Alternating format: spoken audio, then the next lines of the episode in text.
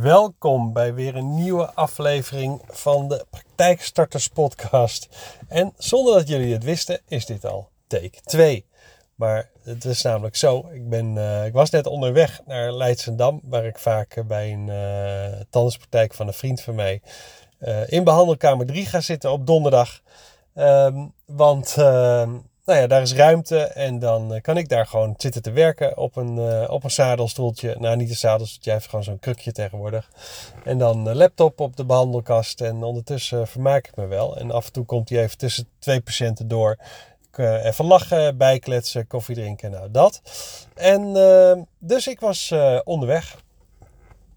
En ik had denk ik vijf minuutjes al, al opgenomen. En toen belde een vriendin van mij, die ik al een tijdje niet had gesproken. Dus uh, ik, ik, ik eindigde nog mijn eerste take van... Oh, ik zet hem even op pauze, want ik, dit telefoontje neem ik even aan.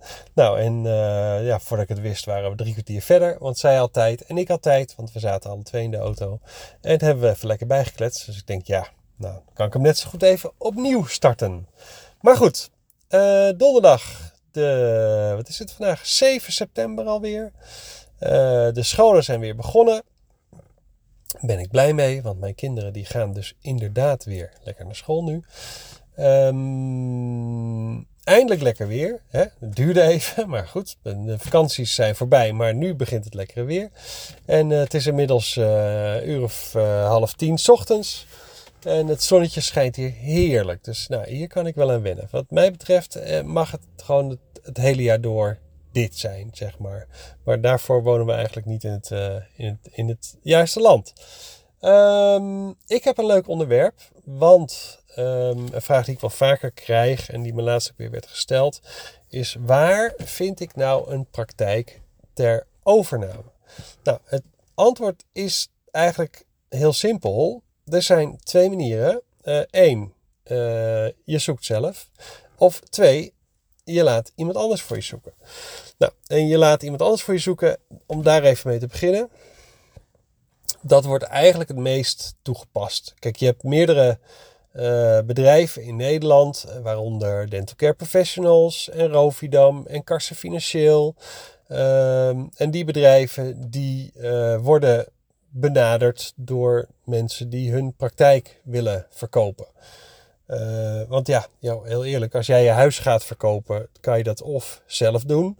Uh, maar de meesten kiezen er toch voor om dat via een makelaar te doen. Nou, in dit geval zijn dit eigenlijk makelaars.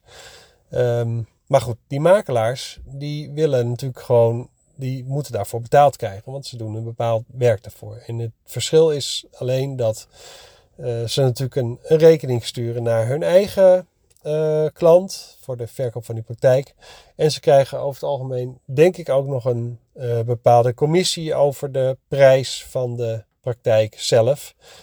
En of jij moet betalen voor die zoekopdracht. Kijk, als je een zoekopdracht geeft aan een, ook aan een makelaar, maar ook aan dit soort bedrijven, dan betaal je meestal een soort start bedrag. En weet, ik heb geen idee wat dat is, maar ik heb wel eens gehoord dat sommigen die vragen 500 euro, anderen vragen 1500 euro. En nou, eigenlijk betaal je dan dat bedrag voor, voor de zoekopdracht zelf. Nou, dan gaan ze voor je aan de slag. Als ze dan iets voor je vinden en dat leidt tot een uh, overname, dan, het, is een match zeg maar, dan betaal je daarna nog een x bedrag omdat zij die match dan voor je hebben gevonden. En, dat x-bedrag, dat, dat, ja, ik heb wel eens bedragen van 3500 euro gehoord, ex-BTW. Ik heb wel eens bedragen van 6000 euro ex-BTW gehoord. Dus daar zit soms nog best wel een aardig geldcomponent tussen. Um, ja, en dat is dan ook eigenlijk wel gelijk het nadeel van iemand voor je laten zoeken. Want ja, daar, daar, betaal je gewoon voor. Maar dat is hetzelfde als met een huis. Daar moet je de makelaar ook betalen. Um, ja, is dat vervelend? Nou ja, ja het, is, het is geld, dat klopt. Aan de andere kant, um, als je zelf moet zoeken, dan gaat daar heel veel meer tijd in zitten. En nou ja, als je mondhygiënist of ook, maar ook tandarts bent, uh, elk, elk uur dat jij besteedt aan dingen uh, waardoor je niet kan behandelen, is natuurlijk eigenlijk ook weer een verlies aan de andere kant van geld. Maar goed, je kan het ook gewoon leuk vinden om, om dingen zelf uit te zoeken en zelf te kijken of je een praktijk kan vinden. Er zijn ook bedrijven dan kan je je abonneren op een mailinglist. En bij sommigen moet je er zelfs voor betalen. Uh, en als je dan een mailing krijgt, gewoon een, een, gewoon een ja, nieuwsbrief, een beetje suf woord, maar goed, dat komt wel op een wekelijkse mail neer. Dan komen ze ook nog wel eens met een praktijk die te koop staat. Maar ja, het nadeel is, jij bent niet de enige die uh, die mail krijgt. Er zitten waarschijnlijk nog duizend anderen die die mail ook krijgen. Um, en als er dan van die duizend, als er hoeft maar 5% geïnteresseerd te zijn, nou, die uh, uh, 50 mensen gaan dan allemaal lopen bieden op dezelfde praktijk. Nou, dat wordt één grote chaos. Dus als je dan toch iemand een zoekopdracht geeft, zou ik wel gewoon iemand, zo'n bedrijf, gewoon wat concreters laten zoeken voor je. Uh, ik heb ook een keer een tandarts begeleid die een praktijkovername heeft gedaan. En zij had op een gegeven moment ook een zoekopdracht gegeven. En ze had heel specifiek aangegeven wat ze nou precies zocht. En ze kreeg echt, nou, elke willekeurige praktijk in Nederland kreeg ze gewoon doorgestuurd. Terwijl ze had gezegd, joh, ik wil per se in die regio. Het mag niet meer kamers hebben dan dat.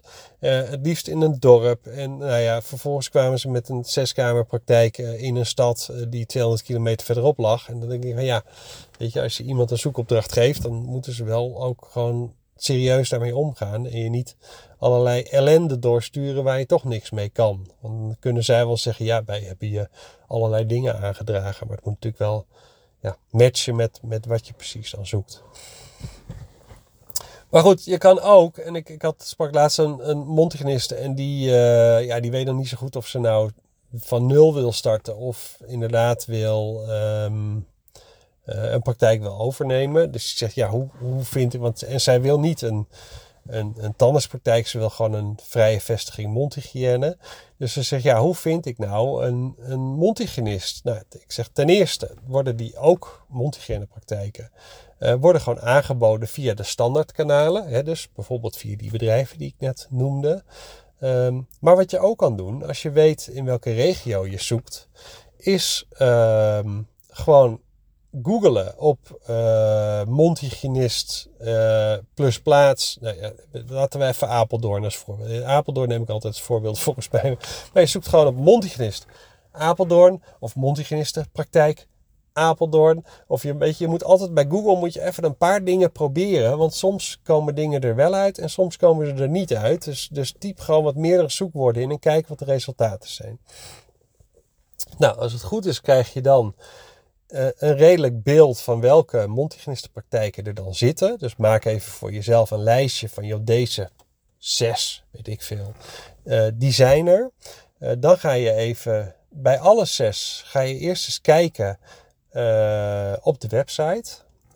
en heel eerlijk, hebben ze, het komt ook wel eens voor dat ze geen website hebben. Met name de wat oudere praktijken, die hebben soms niet eens een website. Weet je, die zijn gewoon organisch gegroeid. Uh, van patiënt tot patiënt. Die, die, die, hè, die kregen hun eerste patiënt ooit binnen en die patiënt was zo blij, dus die tikte de volgende patiënt aan. Dus die hebben nooit de behoefte gehad om een website te hebben. Dus het gaat er nog heel ouderwets aan toe. Nou, dat is dus al een teken dat daar wellicht een wat oudere mondhygiënist in zit. Um, maar je ziet ook soms van die hele verouderde website, echt zo'n zo standaard template. Uh, dat je echt denkt van nou dat kan eigenlijk in deze tijd kan het niet meer. Uh, dat kan ook een teken zijn dat er een, een oudere mondhygiënist in zit. Maar goed, dus je ziet vaak al aan de website snel genoeg hoe modern de praktijk is. En ja, de meeste wat oudere mondhygiënistenpraktijken die ik heb gezien, en dan gaat het echt om praktijken die er soms al 30 jaar zitten, die zijn gewoon qua uh, website, maar ook qua praktijk zelf, gewoon verouderd. Weet je, het is net als met, met oude woonhuizen. Daar is ooit een keer verbouwd, heel veel jaar geleden. En daarna is er eigenlijk nooit meer wat aan gedaan. Met uitzondering van, van zo nu en dan een likje verf.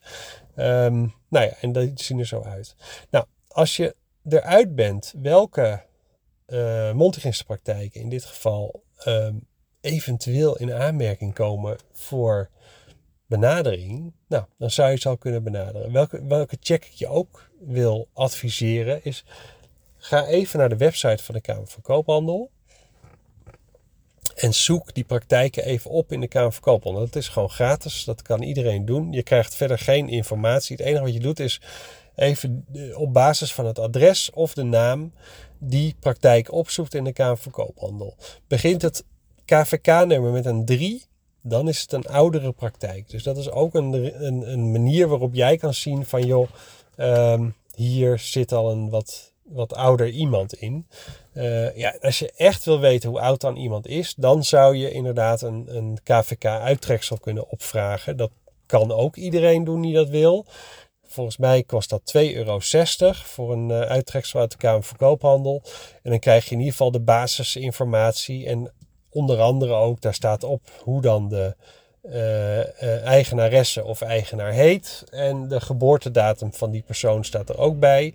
Dus dan weet je ook hoe oud ze zijn. Nou, op basis daar, kijk, als je erachter komt dat iemand nu, weet ik veel, 57 is of 62 is.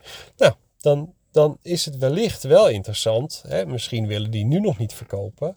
Um, maar het is misschien wel interessant om gewoon eens contact te leggen. Dat je zegt van joh, ik woon ook in die plaats en ik wil graag uh, mijn eigen praktijk gaan starten. En jij zoekt wellicht iemand, hè, want er is echt soms wel zijn er problemen geweest met, met het vinden van opvolgers.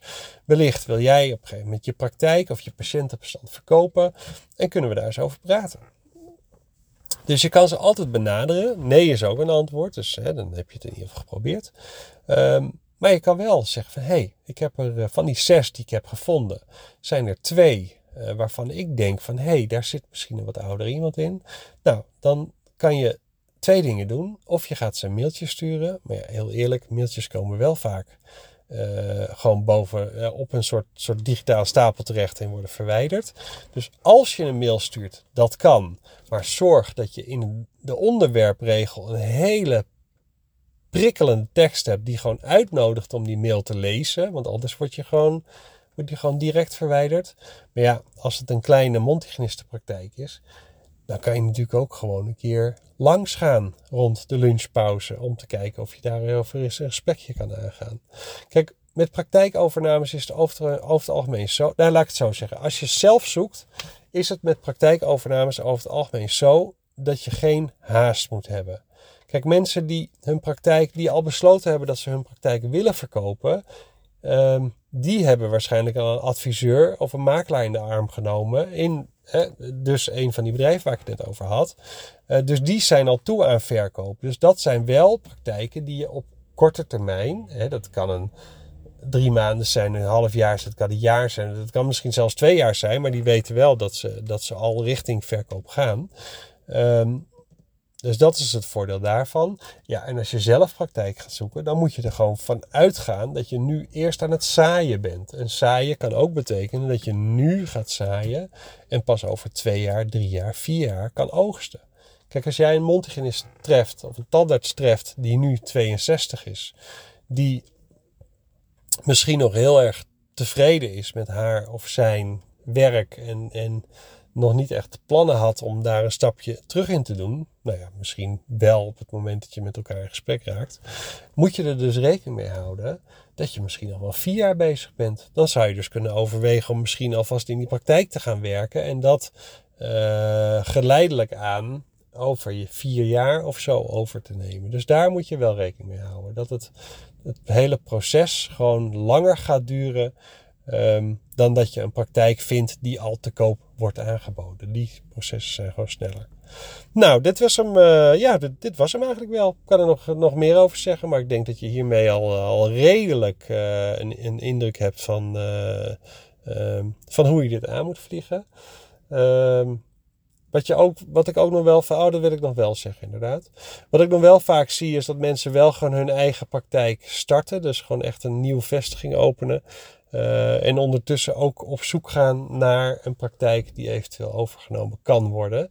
Want dan zou je dus kunnen overwegen om, je, um, om het patiëntenbestand over te nemen. En dat patiëntenbestand te verhuizen naar de praktijk die jij bent gestart. Dus hè, dat is ook nog een optie. Dan, dan heb je sowieso geen haast, want je bent je praktijk al gestart. Maar Eh, je kan wel over een paar jaar of, of misschien de komende tijd al geleidelijk aan patiënten van de praktijk die je gaat overnemen of patiëntenbestand wat je gaat over verhuizen naar jouw eigen praktijk. En op die manier zal je opbouw een stuk sneller gaan. Nou ja, en dat, uh, daar, daar wil ik het bij laten. Dus ik denk dat dit je een hele goede indruk geeft.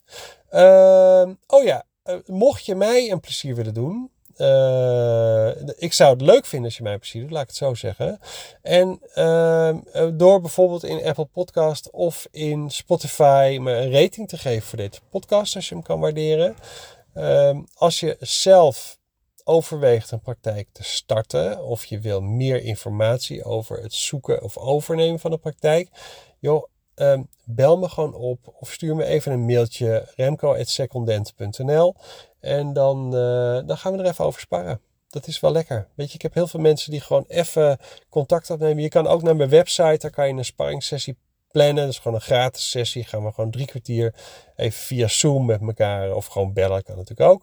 Uh, gewoon het met elkaar erover hebben. Dan heb je gewoon een compleet objectief iemand die even je een, een heel eerlijke mening geeft over wat, wat, wat, wat je hiermee kan. Nou, hoe lekker is dat?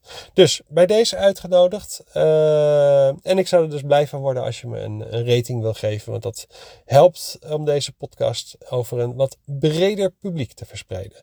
Nou, dat was hem voor deze week. Ik zeg tot de volgende podcast.